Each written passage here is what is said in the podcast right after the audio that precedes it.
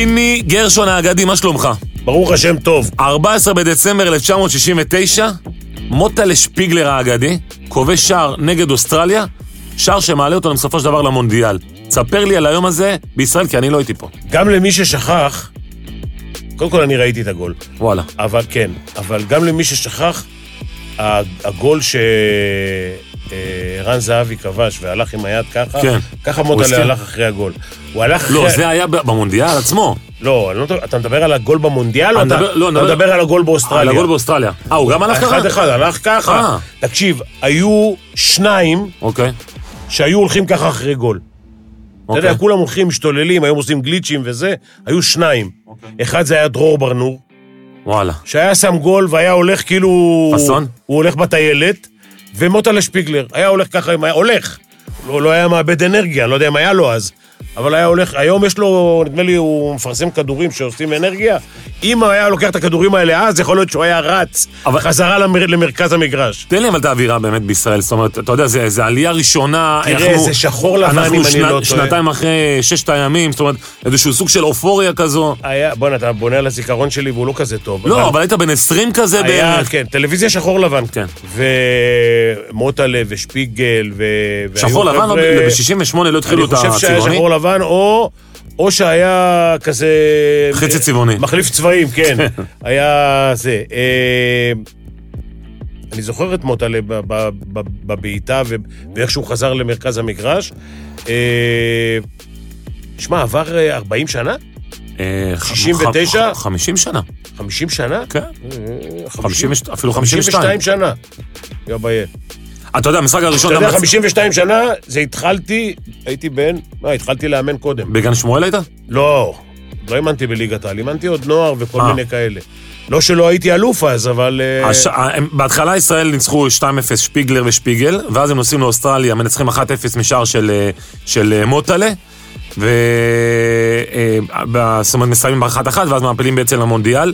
אז אתה... אגב, רוב הקרבות שלנו היו אוסטרליה והיה... זה, זה לא היה... אתה יודע, פעם היינו משחקים באסיה, אז נכון, היה... באוקיאניה. בוא, בוא, היה, היה כל אסיה, מיני, צודק, כל מיני נכון. נבחרות ש... היה שחקן כדורגל בזמנו שהוא הלך ב... לא יודע, בהונג קונג, והוא אמר, אה, יש פה מספרים בעברית. גדול. אה, אבל אה, היינו משחקים שם, ואתה מבין, היינו חמישיות, רביעיות וזה. ברגע שעברנו לכדורגל האמיתי לאירופה, מאז 52 שנה, כן. אנחנו לא מצליחים לעלות. דרך אגב, יכול להיות שאנחנו נשאל את אורן חסון. אולי נביא את המונדיאל אלינו. אולי, לא, אולי לעבור חזרה, אה, לשחק, לא, לאוקיאניה. לשחק באוקיאניה. יהיה לנו סיכוי... אגב, אוסטרליה עדיין, אוסטרליה טובה מאיתנו גם היום. כן? כן. אז אה, אור- אה, אנחנו תכף נדבר באמת עם יושב ראש ההתאחדות לכדורגל אלון חסון, שכמו שאתה אומר, גם בקטר לא נהיה בשנה הבאה, אבל אולי נביא את המונדיאל בסופו של דבר אלינו, אולי זה הפתרון. או שנעבור אה, מחוז, כאילו, מאירופה נעבור לאוקיאניה. לאן, לאן, לאן? לא יודע, אוקיאניה, אסיה, לא יודע, אולי נמצא איזה יבשת. שאין בה, אין אין מדינות של כדורגל, אולי שם נעלה. אולי אנטארקטיקה, זה המקום היחידי שעוד אפשר לעשות משהו. טוב, יאללה, בוא תרשום נדבר לי את עם- זה על הקרח. נדבר עם יושב ראש ההתאחדות לכדורגל אלון חסון, אליך. אז באמת אנחנו, אתה יודע, אנחנו רגע אחרי קמפיין אה, נבחרת ישראל. אה, למה אחרי? יש עוד איזה משחק או שניים, לא? כן, אבל זה ככל הנראה ישודר אחרי ה... מה שאתה רוצה להגיד המשחק זה הזה. תם הטקס. תם הטקס, אה, אני לא- אני חושב שהטקס היה לא רע הפעם. זאת אומרת, אני לא יודע איך ייגמרו שני המשחקים האחרונים, אבל הטקס הוא לא רע, יחסית. אחרי מה שהיה לנו עם מנדי הרצוג מקום חמישי, 11 נקודות, הבוס שלו, שלו ווילי רוטנשטיינר, בסדר, סביר. אז בוא נשאל את החתן. יאללה, אתה רוצה להתחיל עם זה? בוא נתחיל עם זה. איך אתה רואה באמת הקמפיין, למרות שעוד פעם, אנחנו שני משחקים... בוקר טוב, אורי. אהלן, בוקר טוב חברים, מה שלומכם? בסדר גמור. איך אני רואה את הקמפיין? בסך הכל אני חושב שהקמפיין הוא, כמו שתיארת אותו, הוא קמפיין, אה, הוא קמפיין לא רע. אני מאוד נהניתי לראות את הנבחרת, היא שיחקה כדורגל חיובי, התקפי, באה לנצח כל משחק, התמודדה לאורך כל 90 הדקות. ההפסד הכואב בסקוטלנד... מה זה אומר. שהצעירים האלה ביום מן הימים יביאו אותנו לאיזשהו אה, מפעל קצת יותר רציני? זה אומר שהמאמן יישאר? מה, מה, מה זה אומר? אה, כאילו, כל מה שאתה אומר זה יפה, זה טוב. אני לא יודע כמה מדינות אה, עם אה, שמונה מיליון, ו- ובכדורגל, להבדיל מכדורסל, תשעה מיליון, מה הורדת לנו? אפשר, הורדת לנו- לא, אבל יש מגזרים ש... אה, שלא משתתפים. כן, בכדורסל, ב- אחד. בכדורסל אני לא סופר חלק מהמגזרים, מכיוון אגב, ש... בכדורגל זה רק מגזר אחד. כדורגל, בדיוק, כדורגל המגזר הערבי הוא, הוא דומיננטי, מאוד. בדיוק. נכון. אז אה, אפשר בטח ובטח ל... להגיד שבעה מיליון, אוקיי? מדינות כאלה, איפה נמצאות יחסית אלינו? והשאלה השנייה הייתה לגבי המאמן הלאומי. אני יכול רק לתת נתון בהמשך למה שפיני אומר, אנחנו אחת המדינות היחידות בכל אירופה שלא הגיעה ל- ל- ל- ל- לפחות ליורו. אתה מבין? אחת המדינות היחידות באירופה. אנחנו ואיי פארו? לא, יש לי לא, איפה, יש עוד יש רשימה, כמה, אבל אבל אני- אני אני מסכים עם מה ש- אחת היחידות. אני מסכים עם מה שצאנצי אמר, אבל אה, דיברת על, כך, דיברת על כל כך הרבה דברים, אני אנסה טיפה לעשות סדר. קודם כל, כמה נתונים עובדתיים. אמרתם בצדק, אנחנו אחת הנבחרות היחידות שלא הפילו מאירופה לטורניר וופא, לטורניר היורו. בטח, כאילו בזמן- בצדק- בזמן- זה בצדק רב. אם אנחנו לקדנציה. נסתכל, לצורך העניין, לאורך 40 שנה האחרונות, נבחרות שהפילו למונדיאל וליורו, בדרך כלל יש שני מאפיינים. זה או מדינה שיש בה למעלה מ-20 מיליון תושבים, שזה לא המקרה שלנו, וכל השאר זה מדינות שאחוז המשתתפים במשחק ביחס לכמות האוכלוסייה הוא מינימום 2.5 אחוז. כלומר, אם אנחנו מדברים על סך הכל אוכלוסייה של 9 מיליון, ואגב בכדורגל, כמו שאמר צאנצי, המגזר הערבי הוא בצמיחה אדירה. אני חושב שבעתיד הקרוב יהיה לנו עוד ועוד ועוד שחקנים ערבים. יש להם גם יתרון לחלקם שהם הרי לא עושים צבא, שזה גיל מאוד מאוד קריטי בהתפתחות של השחקן, ואנחנו מאוד שמחים על כך. עזוב, מי. ששחקן לא עושה צבא, נו. אה, לצע- לצע- לא, עושה צבא, אבל אתה יודע, הולך בבוקר, מחלק כרטיסים, חוזר אחרי הצהריים. לצערי זה לא המצב, אנחנו נמצאים באמת, בבעיה. אבל עזוב, אם תן לי את המדינה. תן אני- לי את אני המדינה אענה לך. אם נחזור... שכן עושה את זה. קודם כל יש הרבה מדינות. קטנות. מדינות קטנות שאחוז המשתתפים שלהם הוא סדר גודל של 400-500 אלף שחקנים. במדינת ישראל, רק בשביל לסבר לך את האוזן, 30 אלף. רשומים כ-42 אלף שחקנים פעילים. אוקיי. זאת אומרת, אנחנו מדברים על בערך 0.5 אחוז מכלל האוכלוסייה. שרק שנבין, שאנחנו משווים את עצמנו למדינות אחרות, קטנות באירופה, סדר גודל של משהו כמו בין 2.5 ל-3 אחוז מכמות לי דוגמה. האוכלוסייה. צפון מקדוניה. צפון מקדוניה, פינלנד. שווייץ, אה, אה, פורטוגל.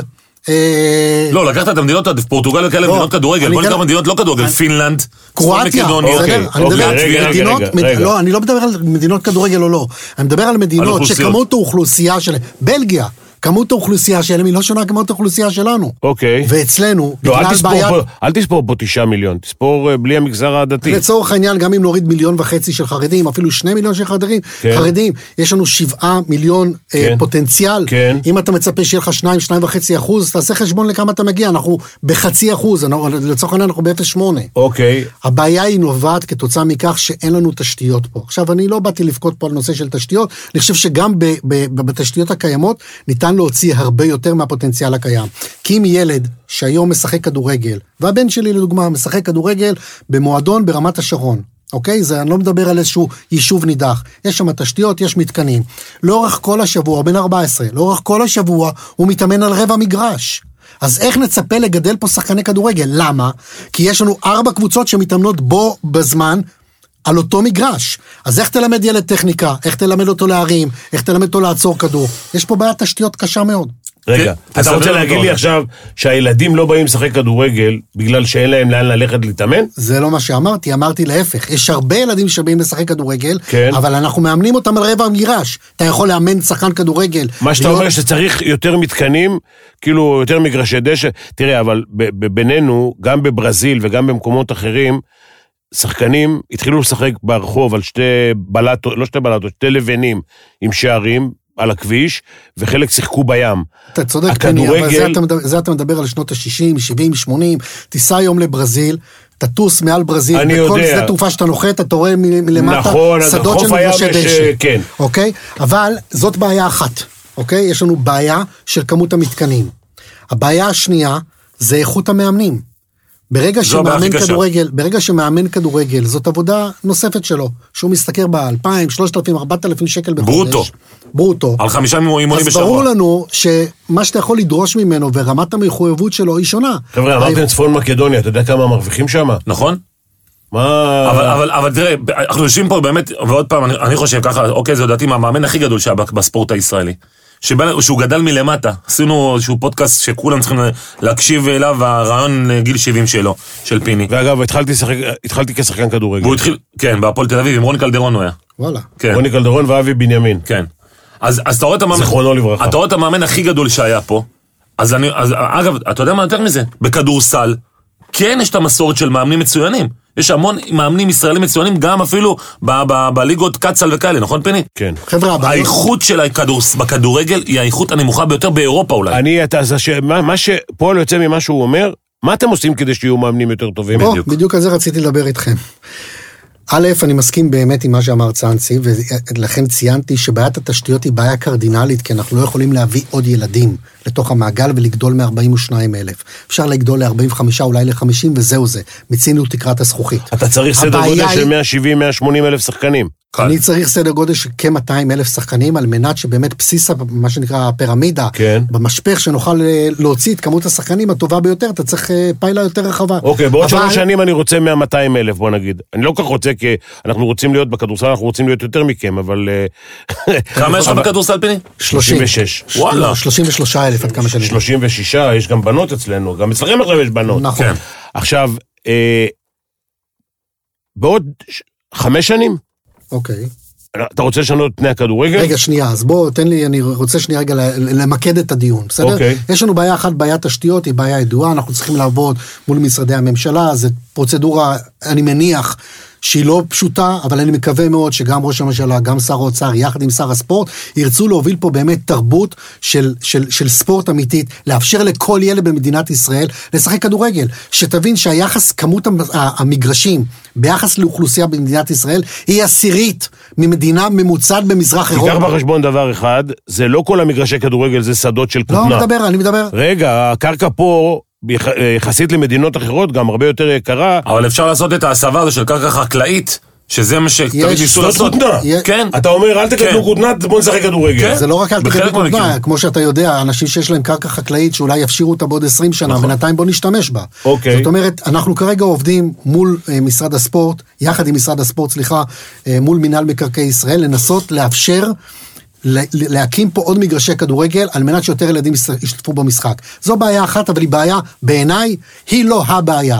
הבעיה זה איכות המאמנים. אם יהיה לך אה, מגרשים, תצליח להגיע ל-200 אלף שחקנים? חד משמעית, אנחנו כל שנה בהתאחדות לכדורגל, לצערי הרב, נאלצים לא לאשר לסדר גודל של משהו כמו 3,000-4,000 ילדים, או קבוצות שרוצות להירשם, כי אין לנו פשוט מגרשים. תיסע ביום שישי או ביום שבת למגרש כדורגל, לא משנה איפה, בצור יגאל, בשדרות או באום אל-פחם, משעה שמונה בבוקר עד שש בערב, כמו סרט נע, משחק אחרי משחק אחרי משחק. אין לנו איפה. ואין תאורה גם. פיני, גם אין תאורה. חלק מהמגרשים אין תאורה, ועכשיו משרד הספורט באמת הוביל איזשהו מהלך באמצעות קרן המתקנים, לה- להתקין סדר גודל של משהו כמו אה, 80, מ- ב-80 מגרשים להתקין תאורה. אבל בואו שנייה רגע טיפה נמקד. בעיה אחת היא בעיית תשתיות, היא בעיה ידועה, אוקיי, בעיית צריך מאמנים. לטפל בה. בעיית המאמנים היא בעיה הכי קשה. אחת מהבעיות הקשות שהיו לנו, ולשמחתי הרבה עכשיו זה נפתר, זה שבחוק הספורט, לא היה לנו את הסמכות היחידה להיות הגורם היחיד שמסמיך מאמן כדורגל. זאת אומרת, כל מכללה או כל מי שנרשם במשרד הספורט כגוף שהוא מסמיך מאמן כדורגל, ומי כמוך יודע שלאמן כדורגל אנחנו מסמיכים על פי קריטריונים של פיפ"א ושל וופ"א וכולי. לשמחתי הרבה, הצלחנו באמצעות משרד הספורט עכשיו להוביל מהלך שהחרגנו את אה, חוק המאמנים, אה, סליחה, את, את, את אה, הכשרת המאמנים מחוק המאמנים הארצי. זאת אומרת, רק מי שיעבור הסמכה והכשרה בהתאחדות לכדורגל באמצעות השלוחות שאנחנו כמובן נפתח, ואנחנו מקימים בימים אלה מכללה של הכשרת מאמנים, החל ממאמני פרו לליגת העל, דרך עד המאמנים, מה שנקרא אני קורס מכיר A. את זה גם מאיגוד הכדורסל. השאלה היא, יש היום 20 מכללות שהן כפופות נניח לווינגייט, אוקיי? יש תוכנית, איך מאמנים כדורגל. אם יהיה לך 20 אה, מקומות שבהם תכשיר מאמנים, אם אתה שואל אותי, יהיה לך יותר מאמנים. העניין הוא שאתה צריך לפקח על תוכנית הלימודים, ולבחון לפי הקריטריונים שלך. אתה לא צריך לקחת ולשלוט בהכל. זה בדיוק זה, פיני, אוקיי. אנחנו לא רוצים לקחת את הפרנסה למכללות השונות. אוקיי. אנחנו לצורך העניין, אבל שיהיו כמו- בסילבוס שלכם, זה כמו, מה שאתה כמו. לצורך העניין בלשכת אני עורכי. יודע, אני, אני סידר את התוכנית באיגוד הכדורסל. נכון, אז זה מה שצריך לעשות פה. אז זה, זה, זה בדיוק זה, אנחנו קובעים... מי קובע את תוכנית הלימודים? אנחנו קובעים את תוכנית הלימודים. מי זה אנחנו? ההתאחדות לכדורגל. מי זה התאחדות לכדורגל? אתה לא קובע. המחלקה הטכנית, המנהל הטכני שלנו. מי זה? ומחלקת ההדרכה, ילך חוס. ילך חוס, ילך ההולנדי. חוס אוקיי. ומחלקת ההדרכה קובעים את הסילבוס. הסילבוס הזה יכול לעבור בהתאחדות לכדורגל ויכול לעבור גם במכללת עמק יזרעאל אם היא תוסמך על ידינו. אוקיי. בסופו של דבר מבחן ההסמכה, כמו בלשכת רואי החשבון, ייעשה על ידי ההתאחדות לכדורגל. או באמצעות השלוחות אתה יודע. איפה הבעיה. יש הרבה בעיות, ספר לי על אחת מהן. אחת זה אלה שיעבירו את הקורס, צריכים להיות אה, מספיק טובים כדי לעשות אה, מאמנים. לעשות מאמן זה, זה דבר אחר, זה לא כמו לעשות שחקן. לס- לס- זה לא לבוא עם תרגילים מהיוטיוב ולהגיד, אוקיי, הנה אלה התרגילים, זה, זאת השיטה הזאת וזאת השיטה ההיא. פה צריך לדעת ללמד מישהו, ללמד ילדים. פיני, אני כל כך שמח שאתה אומר את זה, כי את הפיילוט שלנו עשינו, אני אומר פיילוט במרכאות, זה על קורס הפרו. מי שהוביל את קורס הפרו, אגב, זה ווילי רוטשטיינר. אני יודע, הייתי שם. הרציתי לכם. אז אה, אה, אני אומר לך, מתוך החניכים. שנמצאים שם, ובאמת נמצאים שם שחקנים עם ניסיון בינלאומי, יוסי בניון ואחרים, כן. ברק יצחקי, אני אומר לך שרמת האיכות של הקורס היא- היא היא פשוט מדהימה. אוקיי. ואת אותו רעיון, את אותו מודל, אנחנו רוצים להוביל לקורס העילית, נמשיך את אותו דבר בקורס הפרו, לקורס העילית, לקורס ה-A, B, C וכולי. אבל אתה יודע מה- אין ספק שזה האתגר, אם אתה שואל אותי, האתגר הכי חשוב שלנו לשנתיים הקרובות. אבל אורן, דווקא בנקודה כי הזו. גם כשדיברנו, סליחה שאני. קוטע אותך, גם כשדיברנו על בעיית התשתיות, בתוך התשתיות הקיימות, אם אתה לוקח את חומר הגלם, עם מאמנים יותר טובים, תוציא- תוצאה יותר טובה. אורן, אבל דווקא בנקודה... אגב, אוקיי. סליחה עוד שנייה, אחת. כן. אגב, אני אומר לך, כי אני יודע זה גם את הבעיה שלנו, זה לא רק מאמני הכדורגל, זה גם מאמני הכושר. מאמני כושר, מאמני שוערים, בוודאי. בינתיים אתם גונבים לנו מאמני כושר, אבל אני יכול להגיד לך... סימן שאנחנו של- עושים עבודה טובה. שלהסמיך את הטובים, בדיוק. את, ה, אה, את המאמני כושר, אה, לדעתי לפחות, אה, צריך להיות מישהו ברמה הכי גבוהה, ואולי הוא גם צריך להיות פיזיולוג, כדי להסמיך את, לא להסמיך, כדי ללמד את מאמני הכושר, כי אני חושב שחלק גדול מהבעיות של השחקנים, ואני מדבר גם על שחקני הנבחרת, אבל בכל הנבחרות, זה נושא הכושר הגופני והפיתוח של השחקן מגיל צעיר. כי שחקנים טובים מאוד אפילו, שהגיעו לחו"ל, נתקעו מכיוון שהם, כל הקריירה שלהם, מגיל 8-10 ועד שהם הגיעו לאירופה, הם עבדו לא נכון. אבל זה מועדונים, פיני. בעצימות לא, בעצימות לא נכונה, ולדעתי פה מאמני הכושר, להבדיל מה, מהמאמנים שאולי יכולים ללמד אותנו לתת פס נכון, או פלש, או אני לא יודע מה, אבל מאמני הכושר, בבנייה הגופנית, צריכים להיות מקצוענים ברמה הכי גבוהה. אני חושב שכל מאמן, בין אם זה מאמן ראשי, בין אם זה עוזר מאמן, בין אם זה מאמן כושר ובין אם זה מאמן שוערים, כולם צריכים להיות ברמה מאוד גבוהה. אנחנו מביאים את מיטב המרצים. אני אומר לכם, תסתכלו על, ה, על התוכנית שלנו בשנה שעברה בקורס המאמנים שעשינו, או בקורס הפרו, בכנס המאמנים שעשינו, או בקורס הפרו, או בסילבוס שאנחנו מוציאים, אנחנו לא נחסוך בלהביא את באמת את המרצים הטובים ביותר. אני גם מתחבר למה שאמרת. אני לא מדבר על השחקנים שיצאו מפה לצורך העניין, ואתה אומר שנפלו כתוצאה מהבעיה של הכושר. תגיד. אחרי האימון החמישי... גם השחקנים אה, שהצליחו. השחקנים הכי טובים. מקיאים. פיני. מקיאים ו- כן. וקוראים שרירים. פיני, גם השחקנים שהכי הצליחו. אתה יודע, אני עכשיו לצורך העניין בנבחרת ישראל מדבר עם ביברס, ומדבר עם ערן, ומדבר עם מנור. זה שחקנים שמצליחים באירופה. הם מתארים שבאימונים הראשונים שלהם שהם יצאו החוצה, אגב, הם מנור תפסו את קרא הראש. ארבע ראשי אחרי חודש. אבל, אבל, אומרת- אבל זה גם עניין של אישיות, אחד כמו ביברס נטחו למשל, תשמע, זה, הוא, הוא אישיות, הוא, הוא, זה מעבר לעניין של כושר או לא כושר. ברק יצחקי התגעגע לקוסקוס כשהוא נסע לגנט. אתה מבין? או גנט, אני לא זוכר. לא, אבל אנחנו זה עניין דיברנו, אנחנו. דיברנו על זה שהאינטנסיביות שנדרשת משחקן נכון. באירופה, אבל זה מועדון, ההתאחדות. לכדורגל, אני לא יודע כמה יש שונה לה- לגמרי. אבל, אבל, אבל בואו רגע ניגע דווקא בנקודה הזו. הכדורסל הישראלי הוא מאופיין במאמנים ישראלים מצוינים. אתה יודע, פיני הוא הרי מנהל מקצועי של איגוד הכדורסל, ויורד למטה, יש לנו רשימה ארוכה של... אתם בהתאחדות לכדורגל כרגע מנהלים איזשהו קו, איזושהי מדיניות, או תקן אותי אם אני טועה, של מאמנים זרים. זאת אומרת, גם המאמן הלאומי הוא זר, המנהל הטכני הוא זר. כי מה? כי למה? לא, אז אני רוצה שנייה לעשות סדר. קודם כי כל... הכחול לבן לא מספיק טוב? קודם כל, אני חושב שיש מאמנים ישראלים מצוינים, והם רלוונטיים, ועובדה היא שבתוך אה, המ- ה- הנבחרת הצעירה שלנו, ובכל הנבחרות הצעירות, ששם אנחנו משקיעים את מירב המשאבים שלנו. כי אני מתחבר לשאלה הראשונה שפיני שאל אותי, האם אתה חושב שיום אחד נגיע לטורניר גדול? התשובה היא חד משמעית כן. אבל צריך להפוך את הפירמידה, וצריך להשקיע בעיקר במחלקות הילדים והנוער, וזה מה שעשינו, הקמנו אקדמיה ומרכזי מצוינות, אני מניח שניגע ניגע בזה זה בהמשך. אבל לעצם השאלה שלך, אני מאמין מאוד במאמנים הישראלים, אני חושב שיש מאמנים ישראלים מצוינים. כשאני מדבר על מנהל טכני, זה תפקיד אחר לגמרי. מי שיודע מה זה מנהל טכני, עם כל הכבוד, יש מנהלים טכניים פה בארץ, אני חושב שהם טובים וכולי. אני חושב שהפער בין המנהלים הטכניים הטובים באירופה לבין הישראלים יש פער גדול. ולראיה, הבאנו את ווילי רוטשטיינר, לאחר מכן עכשיו הבאנו את ילך חוס. אני אומר לך שגם אנשי המקצוע, המאמנים, שחלקם היו מאמנים בליגת העל, בין אם זה מרקו בלבול ואלון חזן ואופיר חיים, זה מאמנים שיש להם בכל זאת ניסיון, אומרים, תשמע, מה שהוא מביא, לא הכרנו. אגב, פיני, ילכוס, רק. שתדע, ילכוס, הוא, היה- הוא, היה- הוא שימש בתפקיד הזה בנבחרת הולנד. זאת אומרת שהוא הביא את הידע הזה בנבחרת הולנד הצעירה. בוא, אנחנו יודעים, הולנד זה בית חרושת לייצור שחקנים, אנחנו רואים מה קורה באייאקס, אנחנו רואים מה קורה בכלל בהולנד, זה בית חרושת לייצור של שחקנים צעירים. אה, ילכוס, הוא היה דרך אגב יד ימינו של חוס הידינק. נכון. אה, אה, איש מקצוע יוצא מן הכלל, הוא היום אחראי על כל הפיתוח של כל מה שדיברנו, של ההכשרות של המאמנים, של אה, מרכזי המצוינות, של האקדמיה, של אתה הנבחרות. יכול להגיד לי כמה המשכורת שלו? כן, היא מפורסמת, הוא מרוויח 150 אלף, אלף יורו בשנה. זה לא הרבה כסף בכלל. זה יחסית לא הרבה אני כסף. לא סתם שאלתי.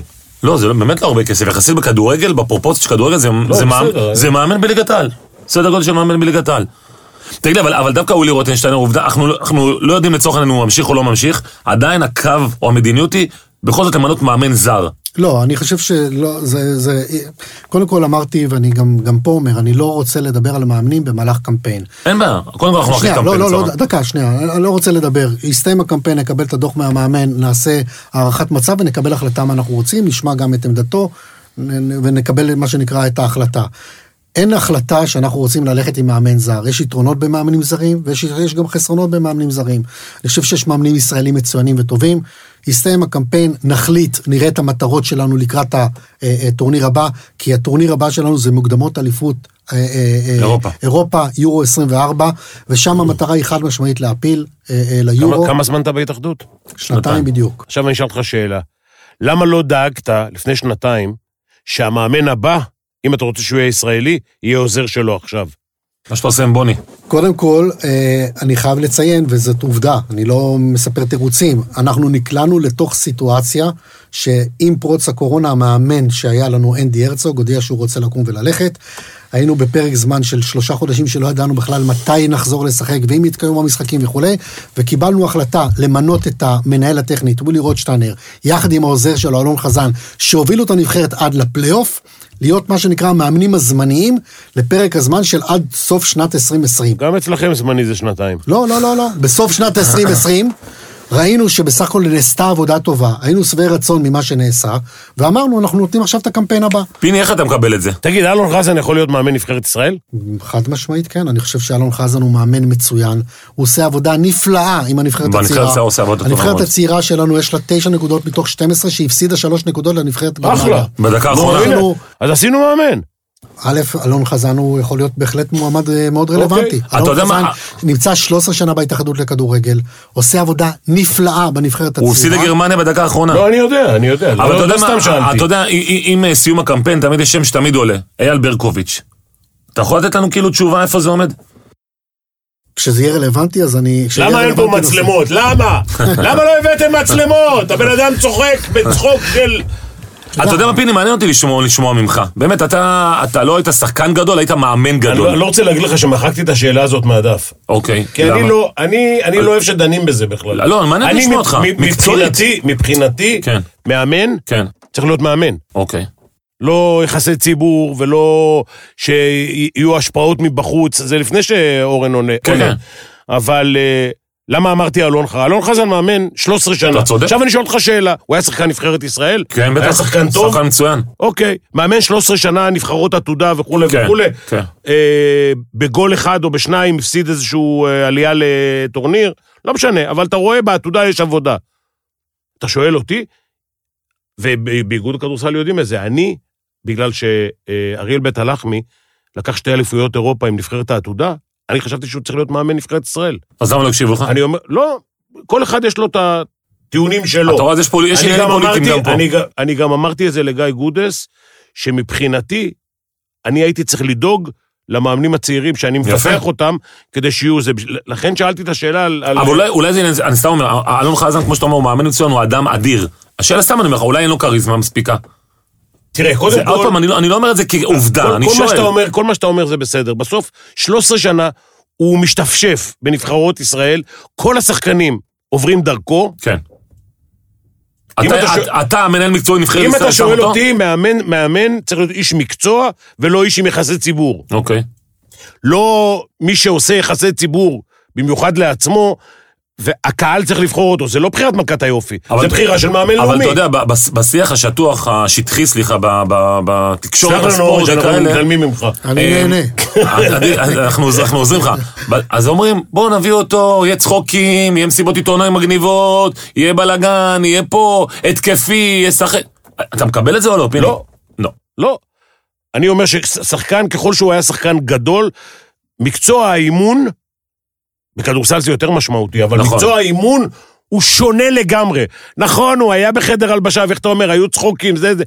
מקצוע האימון שונה, ואני אומר יותר מזה, בכדורסל זה יותר משמעותי. הרבה יותר. ניהול משחק כן, ואימון זה שתי קטגוריות נפרדות. נכון, זה שני מקצועות שונים. נכון, נכון. ולאמן נבחרת ישראל, על אחת כמה וכמה, מכיוון שכשאתה בא לקמפיין, יש לך זמן מוגבל שאתה מכין, זה לא הכנה לעונה, שבעה, שמונה שבועות, אתה מכין כושר גופני, אתה מכין שיטה וכולי וכולי. פה אתה בא ארבעה, חמישה ימים, אתה מכין את הנבחרת, אתה צריך להכין אותה. זאת אומרת, ניהול המשחק הוא הפרמטר המשמעותי ביותר, בטח בנבחרת כדורגל שמתכנסת רק תגיד, יומיים אתם לפני. עיתונאים, על מה אתם מעירים? הוא החליף בזמן, לא החליף נכון. בזמן. היה לו אומץ להכניס חלוץ או הכניס מגן?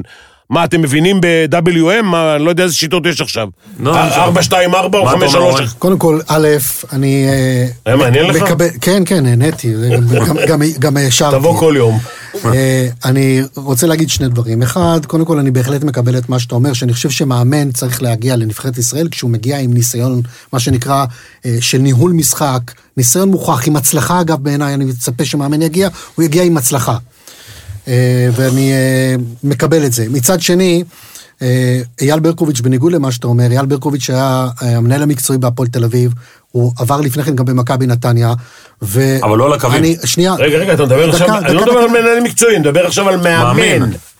על אז, הקווים. אז, אז אני, אני רוצה להגיד, קודם כל, למרות מה שאמרת מקודם, השם של אייל ברקוביץ' אכן עלה. ועלה אוקיי. ב- בצורה די רצינית, אוקיי. עם טיעונים שאני לא רוצה להיכנס פה, לא ב- צריך. אה, וזה בהחלט, באמת היה אחד מהשמות אה, שבאמת שקלנו. לצערי הרב, או לא יודע אם לצערי הרב, אבל בסופו של דבר אייל קיבל את ההחלטה שהוא קיבל, וזה ירד מהפרק. אם הוא לא מקבל את ההחלטה הזאת, הוא עדיין מבחינתך אחת האופציות בהחלט, עד כן, הסיום. אני אמרתי, אמרתי שהוא אחד המועמדים כמה? כמאמן. כמאמן. החלטה אמיצה. בוא אני אשאל אותך שאלה. ברק בכר, תגיד אפרורי, לא היה ב... לא שיחק בחו"ל, אה, לא היה בקבוצות בחו"ל וכולי וכולי, או אייל ברקוביץ'. קודם כל ברק בכר מאמן עם קבלות, הצליח בהפועל באר שבע, הצליח בקריית אני שמונה. חשבתי שהתשובה שלך תהיה אחרת. מצליח, שנייה, מצליח במכבי חיפה, ואמרתי מקודם. אני חשבתי שהתשובה שלך תהיה אז אני אחרת. תכף אשמע את התשובה שלך, ואולי אולי, אולי אחרי זה נשנה את זה. כן. אבל בגדול, אני חושב שאמרתי מקודם, שאני חושב שמאמן שמגיע לנבחרת ישראל, הוא צריך להגיע גם עם הצלחה. לא רק עצם זה, סליחה, שהוא נחשב מאמן טוב. מאמן שהגיע אבל רגע, את ברק בכר. לא הצליח? לא, לכן, אמרתי שמבחינתי ברק בכר, כשם מועמד בוא אני להיות אעזור לך רגע. ישראל, הוא, הוא מועמד ראוי ביותר. בוא אני אעזור לך רגע. שניהם, שניהם יחד. כאילו, אייל ברקוביץ' כמנהל מקצועי, שהיה באירופה, שהיה שחקן נבחרת, והידע של אה, ברק בכר כמאמן. אז בוא אני אגיד לך משהו שלא אמרתי אף פעם, ומה שנקרא, אני אומר את זה פה פעם ראשונה. כל מה שנאמר בחדר בין אייל לביני לא יצא, וגם לא יצא ממני אף פעם. אני כן יכול להגיד שאחד הדברים שחשבנו עליו, זה שילוב של אייל ברקוביץ' עם עוד מישהו. עם רן בן שמעון. לא אמרתי מי. לא משנה אני מי. אומר. זאת אומרת. כאילו הניסיון... קלעתי- לדעת חכמים. הניסיון של אייל, ההבנה של אייל, הניסיון הבינלאומי כמובן של אייל, כן. אה, הכריזמה של אייל, היא, היא, יש לה תרומה שלדעתי אף אחד לא יכול להטיל בה ספק. אבל אחת מהאפשרויות שעלו ב- אז ב- ב- ב- ב- ברעיון, זה לשלב בין השניים. אבל יותר מזה ברשותכם אני... אני רק אגיד לך אבל משהו, פיני. אה, אה, אה, אה, ברק בכר זאת אומרת, אני לא יודע איך זה אגו בכדורסל, אבל נגיד ברק בכר, אם יבוא לך עכשיו אורן חסון, זה אני אומר, ויגיד לו, בוא, אתה מאמן, אייל ברקוביץ' מנהל מקצוע, הוא לא ירצה. הוא לא ירצה את זה. למה? אגו? אגו. אבל לעומת זאת, אם יבוא איזה מרקו בלבול כזה, שהוא חבר טוב של אייל, או רן בן שמעון, בגלל שהם חברים, ובקליקה וכל זה, זה יכול לקרות. קליקה זו מילה לא יפה. קלי- הם ח- לנושא הזה. חברים, לצורך העניין. כאלה שיכולים לקבל את זה שאייל יהיה מעליהם. תגיד, מה זה. התאחדות לכדורגל? מה זה הסתדרות? אז צריך רגע, אז- אז- חבר הסתדרות? אז רגע, אז דיברנו על התאחדות לכדורגל, ופיני אומר באמת על הליכים. ועדת האיתור, היא מצטיירת כמשהו שהוא לא רציני, כאילו. בתקשורת לפחות. היה- דרך אגב, בגלל זה אייל ירד מהסיפור. אז זהו, לטענתו, אני לא יודע... חברים, בואו, אני רוצה להגיד לכם, היות ואני מגיע לכדורגל, הגעתי לפני קרוב לתשע שנים, הגעתי מ- מ- מ- מעולם העסקים. דבר על אני יכול. להגיד לכם שמה שהתהליך שעשינו בוועדת האיתור, אני אומר לכם כמי שמגיע מעולם העסקים, זה תהליך נקי, נטול כל השפעות חיצוניות. די, נו. פיני, אתה יכול להאמין ואתה יכול לא. אני, קודם, כל אני- אני, קודם כל אני מאמין לך, אני כי לא לך- שיקרת אותי אף פעם, אבל ברור לך שאלה שיושבים בוועדת האיתור, יש להם אינטרס. קודם כל זה זה בסך הכל שני אנשים, זה אלי כהן ואלי אוחנה. ושינו זוארץ. ושינו זוארץ, ואורן חסון. אז אני רוצה להגיד לך, ישבו בחדר וישבנו קרוב ל-13 פגישות, כל פגישה בין שעתיים לשלוש. אוקיי. ובאמת עשינו תהליך, התהליך הראשוני קודם כל היה, זה לקבוע את הפרופיל, מה אנחנו מחפשים. מה אנחנו מחפשים ממאמן נבחרת ישראל. לאחר מכן עשינו מיפוי של כל השמות הפוטנציאליים, זרים וישראלים. ירדנו לאט לאט בשיטת האלימינציה, ובסופו של דבר בחרנו. אני אומר לך שלאורך כל הדרך, פיני, שום שם לא דלף החוצה. לאורך כל הדרך, וישבנו, אני אומר לך, פגישות אחרי פגישות. עשינו את התהליך בצורה הכי נקייה, קיבלנו את ההחלטה, יכול להיות שאוהבים אותה, יכול להיות שמקבלים אותה, יכול להיות שחושבים שהיא החלטה לא נכונה, זה בסדר גמור. אבל התהליך עצמו שעשינו, הוא תהליך שכמי שמגיע מעולם העסקים, תהליך by the book. אני מאוד גאה בעבודה של הוועדה הזאת, יכולים לבקר מפה עד, עד, עד, עד קטמנדו. זה בסדר, כי לא הוצאנו את החומרים החוצה, אז זה בסדר שהתקשורת רוצה רגע, לבקר. פיני, אז אני רוצה אבל לשמוע ממך. אתה אתה היום מנהל מקצועי. איך אתה רואה את העבודה שבא בן- לכאן בן אדם בכובע של מנהל מקצועי, מנהל טכני, whatever, איך שאתה רוצה, רוטנשטיינר, בסופו של דבר, הוא הופך להיות מאמן. עד כמה אתה מקבל את זה? אמרתי לך, מנהל מקצועי ומאמן זה שני מקצועות נפרדים. אוקיי. אתה כדי להיות מאמן. למה אנחנו מדברים עכשיו על אה, אייל ברקוביץ' ועל אה, ברק בכר, או על מישהו בסגנון הזה?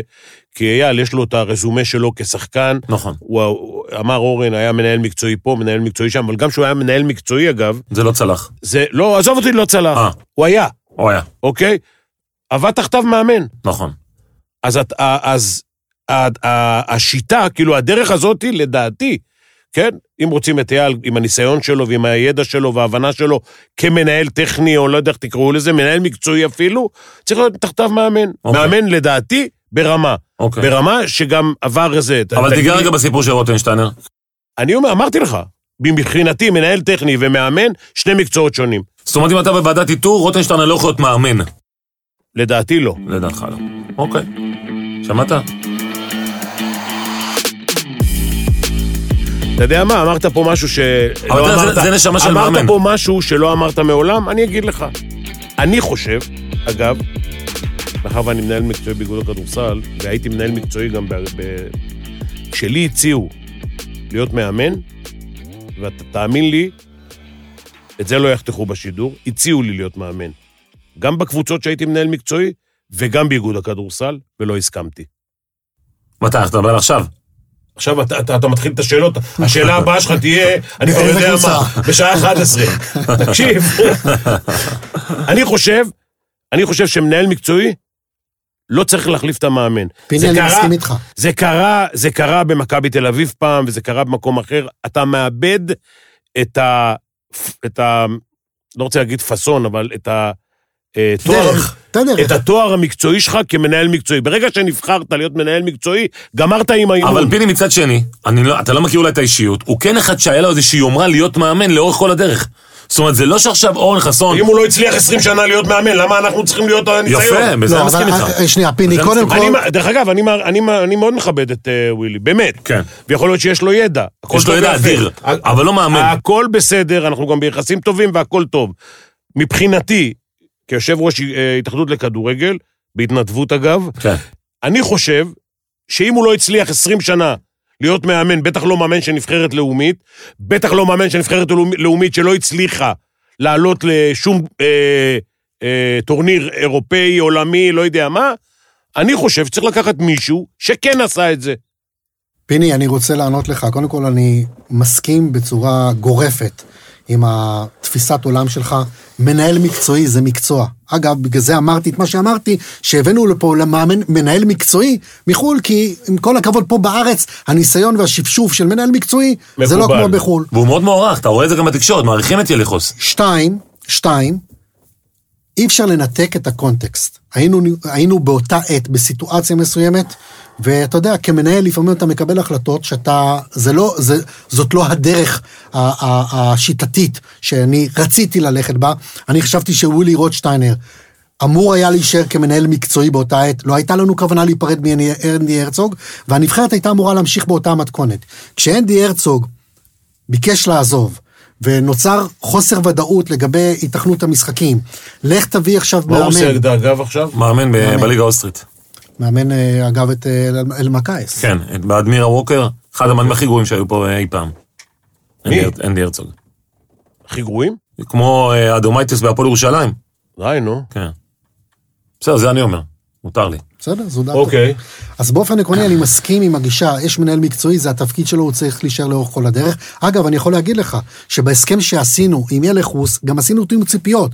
כי כמו שאמר אה, נדב, אה, לווילי, כל הזמן הייתה איזושהי זיקה, הוא, הוא, הוא, הוא, הוא נשאב לנבחרת הבוגרת, אבל גם ל- יותר, יותר אגב ממה שאנחנו ציפינו. אבל גם לא היה סעיף. מצד בחוזה. שני, מצד שני, כאשר חיפשנו כרגע מנהל מקצועי חדש, ילך חוס, היה ברור לנו, אחת השאלות הראשונות, אגב זה גם מופיע בהסכם, אין לו שום אספירציות להיות מאמן, הוא מנהל מקצועי, יש הוא רואה את. עצמו, לכמה שנים לא, החוזה איתו? לא נכון, לכמה שנים החוזה איתו? חמש. ארבע שנים, אה, עם אפשרות כמובן להאריך ככל שנרצה. אלון חזן, אה, כמה שחקנים העביר לנבחרת ישראל? אלון חזן? כן. לא, כמה שחקנים עברו מהעתודה לנבחרת ישראל בחמש שנים? הוא 13 שנה, אז בטח כל לא, השחקנים... אבל הוא היה הרבה, לא. הרבה שנים עוזר מאמן, והוא פעם ראשונה מאמן נבחרת הצעירה. אה, פעם ראשונה שהוא כן, מאמן? לא, כן, לא, נבחרת הצעירה. מי אימן לא. לפניו? שנייה, אה, מרקו בלבולה שנייה, אה, לא, אוקיי. לא, אחריו היה ניר לוין. וניר לוין עוד. אה, אלון חזן היה מאמן של הנבחרת הנערים והנוער, נכון. ולאחר מכן הוא הפך להיות העוזר של המאמן של הנבחרת הבוגרת, ובתחילת הקמפיין הנוכחי, לפני סדר גודל של חצי שנה, הוא קיבל את ה... מה חסר לו להיות מאמן לאומי? אני לא חושב שחסר לו כלום. אוקיי. תגיד לי, פיני, אני רוצה לשאול אותך, אני רוצה, אני, אני, ברשותך, אני אשאל את פיני שאלות, כי... אנחנו מדברים, מה אתה כן, עכשיו מבקש לא, רשות? כי, כי חשוב לי שאתה תענה, ואני אני מאוד חשובה לי הדעה של פיני. כי הוא אומר, אם היום, לצורך העניין, יש היום איזשהו סוג של קמפיין של שחקנים, לאורן חסון אפילו, או מעבירים מסרים לאורן חסון, תשאיר את ווילי, כיף לנו איתו, נעים שחקנים לנו. לא צריכים לקבוע שום דבר. אוקיי, מה, מה דעתך? הם צריכים, זה, המקצוע שלהם זה לשחק כדורגל, שלא יבלבלו בראש. אתה צריך לקבוע את ה... לא המאמן הכי נחמד, כי יכול להיות ש... אה, הוא הכי נוח להם. נחמד. כן. יכול להיות שהוא הכי נוח, לא יודע. אתה צריך לקחת איש מקצוע שיביא אותך, ברף, שיעמיד אותך ברף הציפיות שאורן, שאורן או שאר ההתאחדות קובעים. חד משמעית. עד כמה המשמעות באמת של כל הקמפיין הזה משפיעה עליך, או, או, קודם כל, או עד קודם כמה אתה אוהב אותה או לא אוהב קודם אותה? כל אני לא מכיר קמפיין, אני מכיר את מערכת היחסים המאוד טובה שיש אני אומר בחדר, הלבשה, בוא, אני אומר את זה בצורה גלויה. יש, יש אה, אה, מערכת יחסים נפלאה בחדר ההלבשה בנבחרת ישראל, זה פשוט תענוג לראות את זה. אוקיי. יש לנו קודם כל הרכב, מה אתה אה, עושה בחדר הלבשה? אני נמצא עם הנבחרת כמעט בכל אימון, ובוודאי בכל משחק. אה, אני מקפיד מאוד להיות גם עם הנבחרת הבוגרת, גם עם הנבחרת הצעירה. יחסית לאחד שמכר מכוניות, אתה יודע הרבה כדורגל. אני קודם כל גם שיחקתי בעברי כדורגל. לא הייתי שחקן מספיק מוכשר, בן כמה אתה?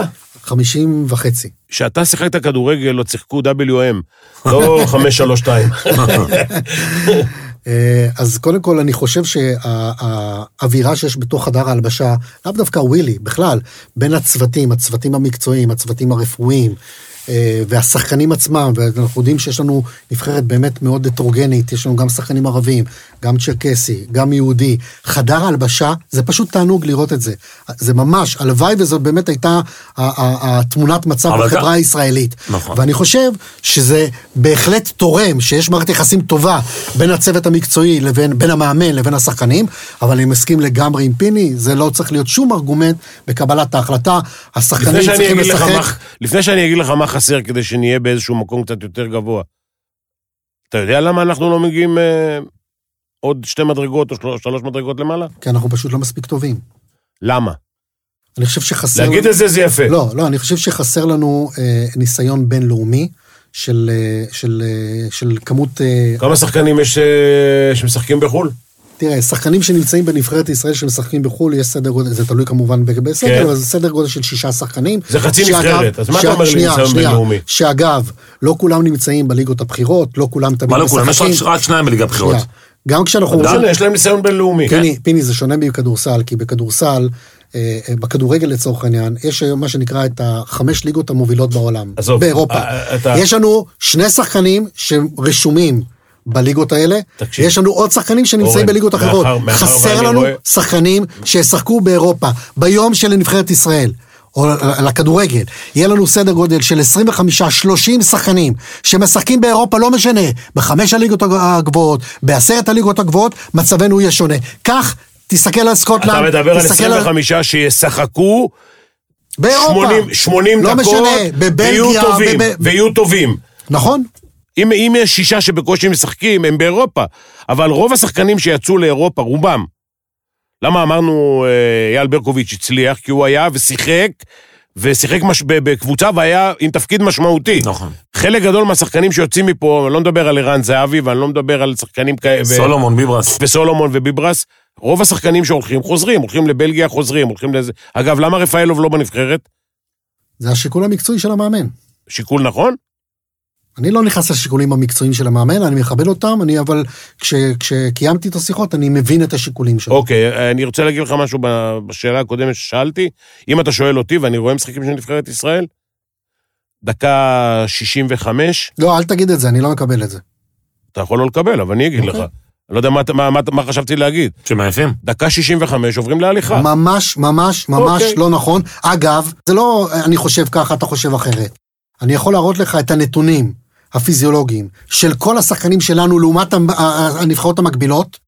אני אומר לך שפשוט הנתון שאמרת הוא לא נכון. בוא- בוא השחקנים לא נופלים מהרגליים, לא בטאקלים, לא בספרינטים, לא בקילומטראז' שהם עוברים, לא בשום פרמטר. שיחקנו עם הנבחרת הצעירה בגרמניה, נגד... אל תדבר איתי על הנבחרת הצעירה, בוא נדבר למה, על... מה, רגע, מה. הנבחרת הצעירה היא... לא, לא, היא- לא, לא, לא, אנחנו והנבחרת הבוגרת? אתה רוצה? בוא כן. תסתכל על הנבחרת הבוגרת במשחק האחרון נגד סקוטלנד בסקוטלנד.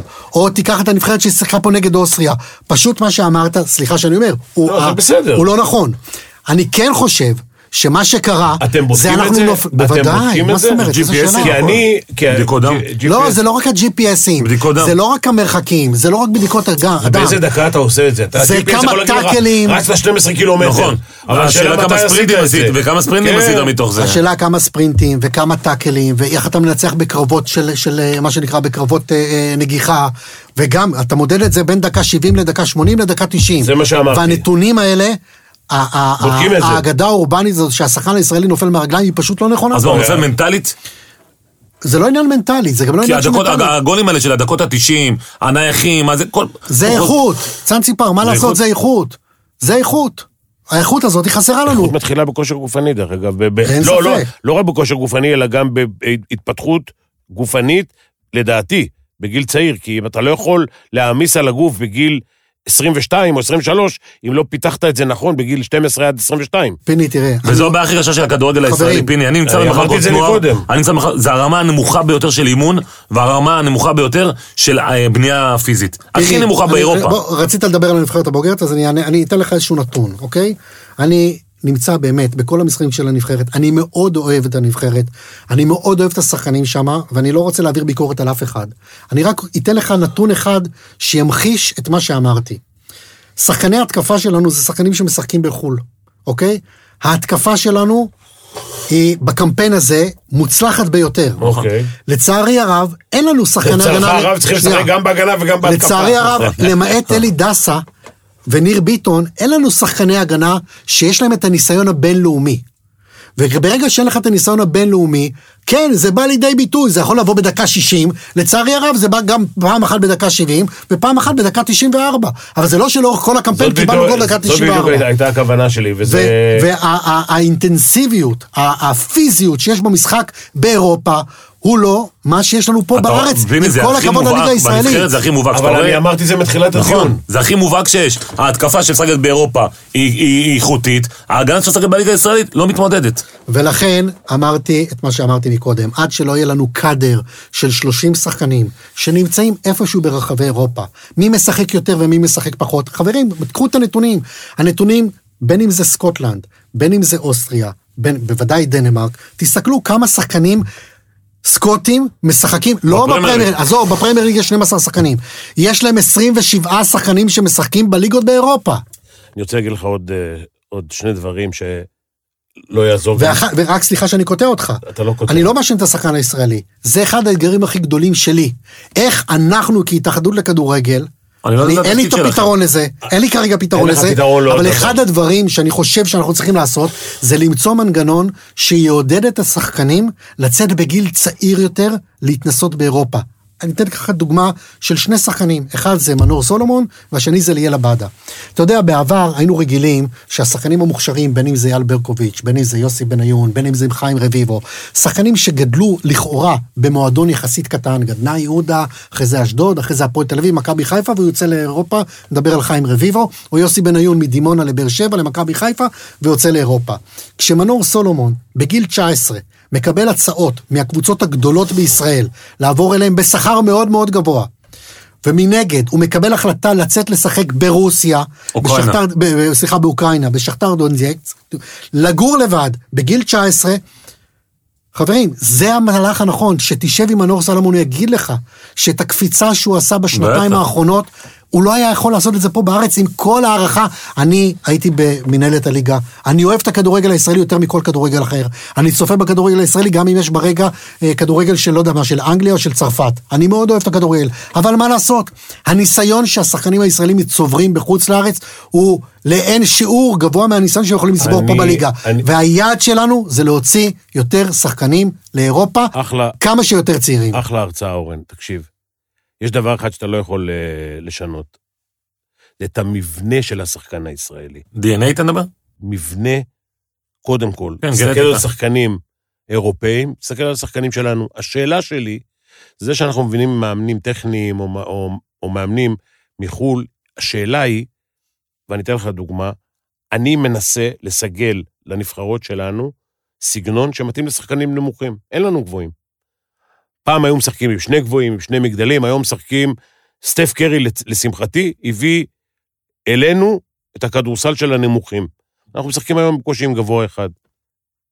כי אין לך. מה? כן, לא, כי השני הוא המחליף. כן. אבל השאלה, אני לא יודע אם חשבתם עליה פעם, אם הכדורגל הוא... מנחילים שיטות שמתאימות למבנה הגופני שלנו. כי לא כל השחקנים הם ניר ביטון, אה, מטר אה, שמונים ומשהו. מטר תשעים ומשהו. מטר תשעים ומשהו, אוקיי? לא כל השחקנים שלנו, רוב השחקנים הם במבנה מסוים. עכשיו, אתה רואה אותם מול דנמרק, אוסטריה וזה, האוסטרים נראים פלגים, אבל הם בנויים כמו, כמו חוטבי עצים. אז אני, אז אני רוצה להתייחס לזה מזווית טיפה שונה. קודם כל, יש לנו לא מעט שחקנים בנבחרת שהם שחקנים חזקים, דור פרץ וניר ביטון, אוקיי? אבל, אבל... אם דור פרץ זה לא- היה יותר שנייה. חזק טיפה, זה- הוא היה זה מגיע- משהו הוא היה אחר. הוא היה זה- מכסה- זה כבר הוא עניין של היה מכסה אימון. את הגול האחרון? אה, תראה, אי אפשר לדעת, אי אפשר לדעת מה היה קורה אם. אוקיי. אבל אני רוצה להתייחס- לזה מזווית אחרת. כן. וזה לוקח אותי לפיתוח הנוער הצעיר. כאשר אנחנו עכשיו במחלקת ה scouting, אנחנו מקימים עכשיו את מערך ה scouting. אתה יודע שאחד הדברים שאנחנו כרגע מאפיינים, מה אנחנו מחפשים, אוקיי? אתה יודע שאחד הדברים שאנחנו מחפשים, ואתה מכיר את זה טוב ב-NBA, שחקן לפני שהוא מגיע ל-NBA, הוא בכלל עושה מבחנים שלא קשורים בכלל לכדורסל. בכלל לא קשורים לכדורסל.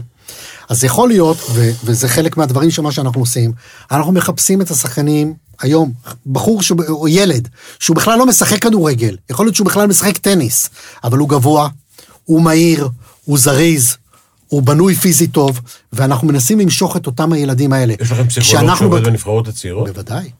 אוקיי. אבל לא, לא, אני אומר לך, כי לא ציינת את ה- את המרכיב הזה. לא, זה אני- מרכיב חשוב. אני, אני, אני, אתה יודע, אתה יכול לעבוד עם ילד עשר שנים, אבל הוא לא בנוי מנטלית להיות שחקן ברמה הגבוהה, ועבדת עשר שנים... אה, אני פיני, אומר היות והיות ואמרו לי שאתם הולכים לצלוב אותי פה, אז מה שנקרא, שנייה. הלו, חס רמת- וח- לא, לא, אני צוחק. אם אנחנו שואלים שאלה שאתה לא לא בא לך לא, לא, לענות, לא, תגיד לנו, לא, "לא, אני לא, לא, אמרתי את זה לא, בצחוק." אנחנו משוחחים ובכיף. אני בקיא בפרטים, אז בגלל זה אני עובר.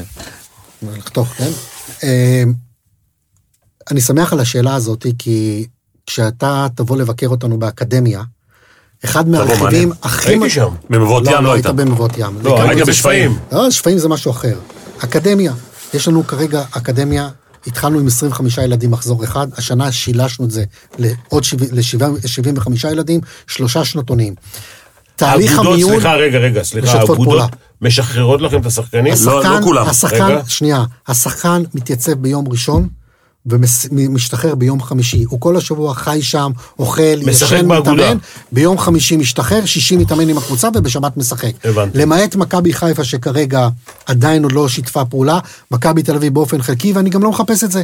כי הילדים במכבי תל אביב ומכבי חיפה מקבלים מקבל. רמת אימון גבוהה ביותר. אני מחפש ילד מנהלל, ואני מחפש את הילד הבא מדימונה. והילדים האלה, כשאנחנו, כמו שאמרת מקודם, כשאנחנו מקבלים את הילדים, זה לא מספיק שהוא באמת טלנט מאוד מאוד גדול לגילו. אנחנו בודקים את היכולת המנטלית שלו, את היכולת שלו להתאקלם, אתה יודע, לגור מחוץ לבית, בגיל 13 זה לא דבר פשוט. לא כל ילד מסוגל לזה. ו- ובעניין הזה, יש לנו שם שלושה רכיבים, גם החינוכי, גם אה, אה, הפדגוגי וגם המקצועי, אלה רכיבים מאוד מאוד משמעותיים, ואתה צריך לראות, לא כל ילד יכול לצאת בגיל 13-14, גם אם הוא כדורגלן מוכשר בצורה אבל בלתי פיני, בוא רגילה. נלך למסלול הפוך. אני מכיר שחקן, צנום, שהמאמן שלו אומר, תשמע, אתה השחקן הכי טוב בקבוצה. אתה הולך להיות הדבר הבא בקבוצה, אבל כרגע אתה צנום, אתה לא יכול במאבקים פיזיים לנצח את האחרים, אז אתה לא משחק בכלל. איך אתה מקבל את זה כמאמן? לא מקבל את זה. לא מקבל את זה. כי צריך להסתכל כאילו גם קדימה. לא, קודם כל, צריך להסתכל רק קדימה. לא, אבל... מטורף. לא, זה- גם- זה- זה הכדורגל הישראלי. דרך אגב, בכדורגל הישראלי, זה יותר- בכדורגל בכלל, במשחק זה יותר קל. אתה יכול להחביא שחקן אחד בין 11 שחקנים. נכון. בכדורסל זה יותר קשה. נכון. אבל גם, גם, גם בכדורסל, יש ילדים שמתפתחים, הם late bloomers. נכון. מתפתחים יותר אבל, מאוחר. אבל אתה צריך לק- לקלוט מי הולך להיות הלייט בלומר. ואחת אגב, הבעיות- רן זהבי הלייט בלומר. ו- בדיוק. גם המבנה שלו, אתה רואה. נכון. אבל פה השאלה אה, אולי הבאה, בסוף, את, ה, את, הכדור, את המשחק מלמדים באגודות. בדיוק. וזו הבעיה. והשאלה, אם אתה היום או בעוד חמש שנים או בעוד שלוש שנים, תשלוט במה שעושים באגודות. בתכנים, בתכנים המקצועיים שלהם. אז תראו, קודם כל, אנחנו בחלק מהעבודה שלנו עכשיו במחלקה הטכנית, במחלקת ההדרכה, אנחנו בונים, קודם כל בנינו מה שנקרא את ספרי ה- הפילוסופיית המשחק שאנחנו רוצים, החל מ-9 על 9, 7 על 7. אבל לא נעים להגיד לך שאף אחד- לא מסתכל על הספרים האלה. דקה, צאנצי, אנחנו קודם כל רצים למרחקים ארוכים. לא, אנחנו סבבה. אנחנו, אנחנו לא מצפים שתוך יומיים באמת אה, כל מה ש... כל התורה שרצינו נפיץ אותה בוא'נה, וננחיל רצים אותה. כבר 40 שנה. איזה 40? אפילו... 50? אפילו, אפילו בני ישראל יצאו מהמדבר ב-40 שנה. אבל מה שאנחנו עושים, מעבר לזה שכתבנו את הספרים האלה, אנחנו בונים כרגע עכשיו קיטים של אימון. המאמנים שלנו, מאמנים של הנבחרות הצעירות, הם יוצאים, הם כל השבוע מסתובבים בשטח. הם מסתובבים בשטח ומוודאים שמטמיעים את שיטת המשחק. אנחנו- שטח אתה מדבר באגודות. באגודות. אבל יבוא עכשיו- מחר מאמן אה, אה, פיני גרשון, מאמן היום אה, אה, נערים ג' ב- במעלות. כן. תבוא אליו, אתה היום רון חסון, אתה אחד המדריכים, תשמע, כדאי לך לעשות... הוא יגיד, כאילו, מה, עם כל הכבוד, כאילו, מה, מה, מה, מי מי אתה? אני שולח אותו הביתה באותו אוי, רגע. כמה- בדיוק. כמה אתה טועה. כמה אתה טועה. אתה צריך. לעבוד לפי התוכנית של ההתאחדות לכדורגל. אבל הם לא מחויבים אתה- להתאחדות לכדורגל. הם, הם, אז הם צריכים להיות מחויבים. חברים, צריכה- רגע, שנייה, שנייה. פה. צריכה- אני לא יודע אם יש אה, מספיק מאמנים. אין לנו את הבעיה, לא, אין לנו את הבעיה הזאת, זה בדיוק הפוך ממה שאתה אומר. אנחנו, כשאנחנו כותבים כרגע מה שנקרא את הפילוסופיה... הדרך המשחק, הישראלית. זה נקרא הדרך הישראלית. אנחנו הפצנו מה שנקרא, עושים כנס לכל המנהלים המקצועיים, והמאמנים שלנו הם כל השבוע נוכחים, יוצאים לשטח עם המנהלים המקצועיים של מועדון. עשיתם קורס למנהלים מקצועיים? לא. עדיין לא. למה? אנחנו כבר קורס שלישי דרך אגב, מתחילים. אנחנו, אנחנו... נו, אה, מה בפיגור, זה- כדורגל אנחנו- בפיגור. אנחנו- It's about time to אז, אנחנו, אחרי, אחרי, אחרי שנסיים פה, אני To אקבל copy לך again. כמה טיפים איך לעשות את זה. אה, ו- ובסופו של דבר צריך להטמיע את זה בשטח. אני אומר לך שיש צמאון גדול רב, אה, אה, צמאון רב, גדול מאוד, בשטח. של, ה- של השטח, שרוצה לקבל. רוצה לקבל את ה... הרי בסופו של דבר, אתה יודע, חלק מהאמנים נכנסים ליוטיוב ומנסים להוציא תוכנית אימון. הם שמחים, כשהם מקבלים מאיתנו... השתלמויות- כמה השתלמויות הם עושים בשנה? קודם כל, ארגון, איגוד המאמנים עושה לדעתי ארבע או חמש השתלמויות בשנה. זה המון. ארבע או חמש לדעתי אפילו השתלמויות יותר, בשנה. אהרון. יכול להיות שיותר. תגיד, אני צוחק, בחייך, אנחנו עושים 18 השתלמויות בשנה. אה, פיני, מה זה ארבע השתלמויות? פיני, אני לא רוצה להגיד לך מה מה ההבדל בין ההשתלמויות שלכם להשתלמויות שלנו. אתה רוצה לפתוח פה קרב? אני לא, אין, אין, אין, זה לא קומפטישן בכלל. לא, אני חושב שמה ש, שאנחנו עושים היום... מה, אתם, אתם כאילו תחרות? מה? לא, צחקתי. צחקתי. ארבע השתלמויות? לא, אני איך אתה אומר... רוצה לעשות מאמנים? אני חושב שיש אחת לחודש, אורן, לא, לדעתי. לא, לא, אולי אני לא. טועה. תקשיב, מדבר. אני, בוא נשאל אותך עוד שאלה. אני לא מדבר על השתלמות של כמה בוא, בוא, אני. נותן לך אה, רעיונות. אני מדבר על כנס שאנחנו עושים. אני נותן לך רעיונות, כי אנחנו כמה שנים לפניכם. אה, 40 שנה. מה? 40 שנה. לא, לא, לא יודע 40, אבל... דרך אגב, לנו יש פחות אה, זה, אבל לא משנה. אה, בענף שיש לו 2% כמה, רייטינג. כמה... מה?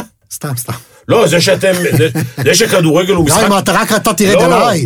זה שכדורגל הוא משחק יותר, הרבה יותר קל להבנה ולצפייה, זה ברור, כי כדורסל, פוטבול וזה, אתה צריך קצת להיות יותר... אה, זה. יותר אבל- אינטליגנט. אבל, אני לא אמרתי, אתה, אתה, אני. אתה, אל תכניס לי מילים לפה. אה, אבל אה, כמה מהמאמנים בשטח למטה באים לראות אה, אימונים של אה, אלון חזן בנבחרת העתודה? שאלה גדולה. או... או... אף אחד. גם אתה נותן לי ציונים על השאלות. לא, שאלה גדולה, לא אף אחד. מספיק שהוא נותן לי. אבל, אבל מאמנים, אני אגיד לך, גם לא בהשתלמויות, לא לומדים מספיק, הם רואים מראייה של אימונים ומדיבור עם מאמנים. שאלה כמה מאמנים בשטח אה, אורן חזן, אה, אלון חזן אה, פגש, או ניר לוין, כמה הוא פגש, כמה הוא, עם כמה הוא דיבר, וכמה באו לראות אימונים בשפיים, ב... ב... יש לנו? יש לנו. כברת דרך ארוכה לצמצם את הפערים בין מה שתיארת לבין המצב הקיים, זאת העובדה. אוקיי. אני כן יכול להגיד לך שמה שהתחלנו לעשות זה להוציא את המאמנים שלנו. לא צריך סמנכ"ל, יושב ראש ההתאחדות לכדורגל? יכול להיות, בוא לא, אנחנו... כי אני עוד מעט בכדורסל יזרקו אותי. בסדר. הלוואי שלהם את ההצלחות שלך, אני מאחל להם. אני גם מאחל לנו. ברור. אה, א', פעמיים נבחרת הדודה יוצאים- בזהב, יוצאים כן? כרגע לשטח, זה דבר שלא היה בעבר. שתיים, במרכזי המצוינות מגיעים מאמנים, ואנחנו מעבירים אימונים לדוגמה אצלנו, זה רחוק שנות אור מאיפה שזה צריך להיות. אוקיי. אתה יודע, פיני, שדיברנו אז בפודקאסט, אה, בזמנו, עם ברעיון שעשינו עם פיני, הוא אמר שהוא כל פעם הולך אפילו לליגה ארצית ללמוד מאיזה מאמן, לראות פתאום מה הוא עושה. עכשיו, אני אומר, גם מאמנים, צריך להיות להם את האינטגריטי של עצמם, לבוא, כמו שאומר פיני, לשבת לשפיים, בטריבונה, לראות אימון של אלון חזן, לראות אימון של רוטנשטיין, לכתוב לעצמם את הדברים. היום אתה מרגיש שאין את הרעב הזה מלמטה, אין את הרצון הזה, אין את התשוקה שהיו הזאת. מאמני כדורגל שהיו באים לאימונים שלי, ואני כן. ישבתי עם לא מעט מאמני כדורגל, אני לא אציין שמות עכשיו, חלקם עדיין מאמנים, שהם באו ללמוד. באו, אמרו לי, תקשיב, יש ממי. יש, באו לאימונים, אחרי זה ישבנו בבית קפה, Mm. ודיברנו וכולי וכולי. אני, אני, אני לא מאמן כדורגל ואף פעם לא הייתי, כנראה אני גם אף פעם לא אהיה, אבל אתה בתור מי שבאמת אה, אחד המאמנים הבכירים פה בישראל ב, ב, ב, בתחום הספורט, אתה יודע טוב ממני שיש המון קווים משיקים בין מאמן כדורגל למאמן כדורסל, אפילו למאמן טניס, בעניין המנטלי, בעניין של, לא טניס, אבל בעניין של, של לחבר חדר הלבשה, להתמודד עם משברים, מנהיגות, זה דברים שהם אה, רלוונטיים כדורגל וכדורסל. אורן, דיברת על, על חדר הלבשה, מנהיגות. יש לך חדר הלבשה מאוד הטרוגני. זאת אומרת, זה אגב משהו שלא קורה בכדורסל. והיה לך ממש נקודת משבר גם, לא יודע אם ראיתם אתמול את תוכנית המקור שהייתה, עם ה, כל הסיפור של לה פמיליה וכל מה שקשור בבת ים. מי שלא ראה שווה. אה, כל הקטע של המגזר הערבי, גם עם כל מה שהיה המהומות אה, בשומר חומות, וגם הסיפור עם דאבור. איך התמודדת עם זה? עד כמה היה קשה? עד כמה חשבת שזה משהו שיכול להתפוצץ בפנים? אגב, אתה, אתה, אתה טועה שאתה אומר שאין את זה בכדורסל. אתה יודע שבכדורסל לפעמים משחק... אני אימנתי קבוצה שהיו בה ליטאי, סרבי, אמריקאים, ישראלים. אבל זה, אבל זה עדיין פחות אה, נפיץ. מנטליות שונה. מנטליות כן. אני, אני, אני אגיד לך משהו, אני לא יודע אם אנחנו יחתכו את זה או לא, אבל תדע לך, כשאתה נכנס למחנה אימונים, אני אומר לך עובדה, אתה הולך לא, לאולם, אתה רואה קבוצה של 12 שחקנים, הולכים שני אה, אמריקאים, אה, שני הליטאים או הסרבים, הישראלים הולכים לבד, ביום הראשון. ביום האחרון, הם, כול- הם ככה גם יושבים בחדר האוכל. ביום האחרון הם כולם כבר יושבים ביחד. דבוקה אחת. אה, כן, הם, הופכ, הם הופכים להיות קבוצה תוך כדי. אז כמה באמת חששת אבל מהסיפור הזה של דאבור שזה הולך כן, להתפוצץ? קודם כל אני, אני לא אכחיש, אתה יודע, המצב במדינה באותם הימים, כולם זוכרים, אה, הכל היה כל כך כל כך רגיש ונפיץ, ואני חושב שאחד הדברים החשובים אולי שעשינו, זה ממש למחרת, אנחנו כינסנו את כל הנהלת ההתאחדות לכדורגל, אה, כולל שיש לנו כמובן נציגים של, אה, גם בהנהלת ההתאחדות, שהם נציגים מהמגזר הערבי, וחתמנו כולם על עצומה אחת שאנחנו מרחיקים את זה מהכדורגל, ולשמחתי הרבה, אתה יודע, הילד שלי, כמו שאמרתי, משחק ברמת השרון, יש גם ילדים מהמגזר שמשחקים. אין קבוצת כדורגל של ילדים שאתה לא תמצא, לא משנה באיזה יישוב במדינה, שלא תמצא שילוב של ילדים ערבים אה, משחקים ביחד. ואין ספק ש... אני אומר בכנות, אנחנו מאוד חששנו, כולנו חששנו במדינה לאן הדבר הזה יכול להתגלגל. אבל אז הגיע המקרה של אני דאבו. חושב, אני חושב שבעניין הזה, לשמחתי, הכדורגל היה, נכון. ובעיקר גם היום משמש באמת דוגמה לחברה, אגב, היתוך. כמו בתי החולים, של כור היתוך אמיתי, של שוויון אמיתי, של חברות אמיתית. ואני רואה את זה מדי שבת, בכל שבת שאני הולך ומסתובב במגרשי הכדורגל, כי בסוף בכל כדי הארץ. להצליח צריך להיות ביחד. נכון, אבל, אבל עד, עד כמה אורן חסון כיושב ראש התאחדות הכדורגל, עם הסיפור של דאבור לקראת המשחקים, זימונים, עד כמה, אה, אולי אפילו היית אומר לווילי, אולי שווה לוותר על הזימון ב- בעת ההיא. תראה, אני- זה גם פורסם, אני מיד כמובן באותו יום אה, הלכתי ונפגשתי אה, עם מונס דבור, מצאתי בן אדם שבור לגמרי. הבן אדם חשש להגיע לפגישה איתי בבית הנבחרות, בחשש, מחשש, הוא היה צריך לתדלק בנצרת, כי הוא פחד שאם הוא יעצור לתדלק בתחנת אה, דלק באזור המרכז, מישהו עוד יפגע בו. ובאמת פגשתי בן אדם שבור, שהיה ב- ב- ב- במצוקה מאוד מאוד גדולה. החלטנו ביחד שהדבר הנכון מבחינתו זה לקחת כרגע טיים אאוט, זה היה לנו אז נכון. באותה עת אה, משחקי ידידות, אבל לא פחות חשוב מזה היה, זה מה אנחנו עושים בתוך פרק הזמן הזה. והיה מאוד מאוד חשוב שהוא יבהיר את עצמו בקרב, מה שנקרא, החברים שלו, אה, שגדלו ביחד, ואחרי שהרוחות קצת נרגעו, באמת, אחד הדברים הראשונים ש, שעשינו בהתכנסות שלאחר מכן, הוא נפגש יחד עם החברים שלו, הסביר את עמדתו, ישבו בתוך חדר הלבשה, מה שנקרא ניקרו שולחן, וראינו את זה על כר הדשא, ראינו באמת חברות. קרובה, אמיתית. תשמע, אנחנו חיים במדינה דמוקרטית. להגיד לך שאני אוהב את זה? ברור שלא. להגיד לך שלא כואב לי לשמוע את הדבר הזה? מאוד כואב לי. הייתי מאוד רוצה שהקהל יעודד את נבחרת ישראל. כולם רואים, גם את מונס דבור וגם שחקנים אה, אחרים מהמגזר, נותנים את, את כל מה שיש להם על כר הדשא. כן, אבל אתה- ואנחנו רואים את החיבור בין השחקנים. אתה יודע מה זה בקהל. איזה, איזה ילד אה, קורא איזה קריאות גנאי וכל השאר, אתה יודע, מצטרפים כן, כן, לזה. כן, כן. זה לא, זה לא...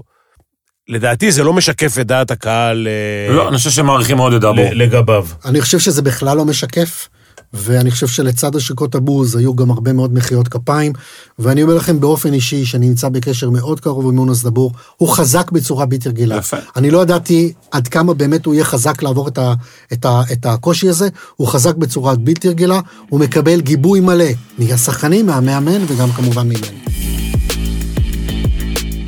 תגיד, שמעתי שבאיגוד השופטים עושים אה, פוליגרפים. פוליגרפים וכאלה? זה גם אחת לא מהפגיעות בתדמיות.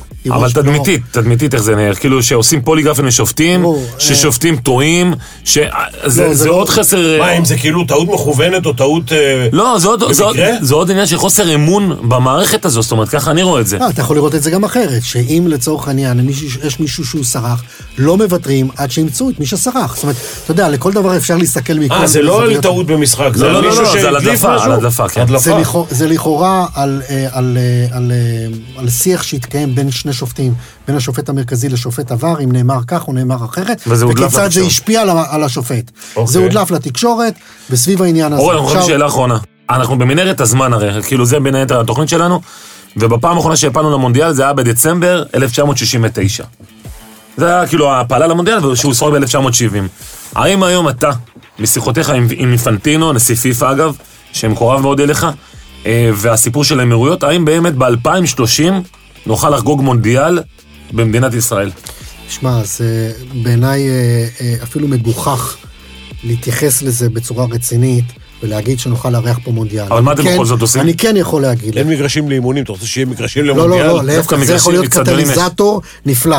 כי אין לי צל של ספק שאם ישראל... תגיד, מה קטליזטור? משחקים בי"א באשדוד, בחייאת רבאק. אז קודם כל יש לי חדשות בשבילך, אתה יודע שבונים אצטדיון באשדוד? יאללה? נו. קדימה. הוא, לא, הוא... אז השאלה הזאת לא טובה לעוד שנתיים. יופי. עכשיו, לעצם השאלה, תראו, כשאנחנו חתמנו על הסכם אה, שיתוף הפעולה עם איחוד האמירויות בשנה שעברה, אה, במעמד של, של נשיא פיפ"א, עלה שם כבר, העלינו את הנושא של לארח מונדיאל משותף, ישראל ואיחוד האמירויות.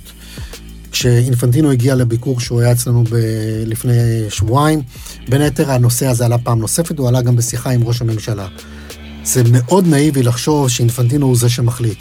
ברגע שיתקיים ביד לטובת הדבר הזה, כמובן שכמו שאתה מבין צריך לתמוך.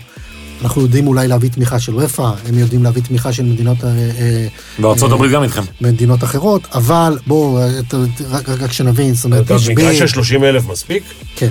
כן, אוקיי. אז הדרך עוד ארוכה, אבל יש לאן אך לחלום. מפותלת. טוב, פיני, אנחנו לא דיברנו אותו על כל הקטע שהוא היה בחבר בלהקת צעירי תל אביב, למשל. מה, הכנתי לכם פה הופעה.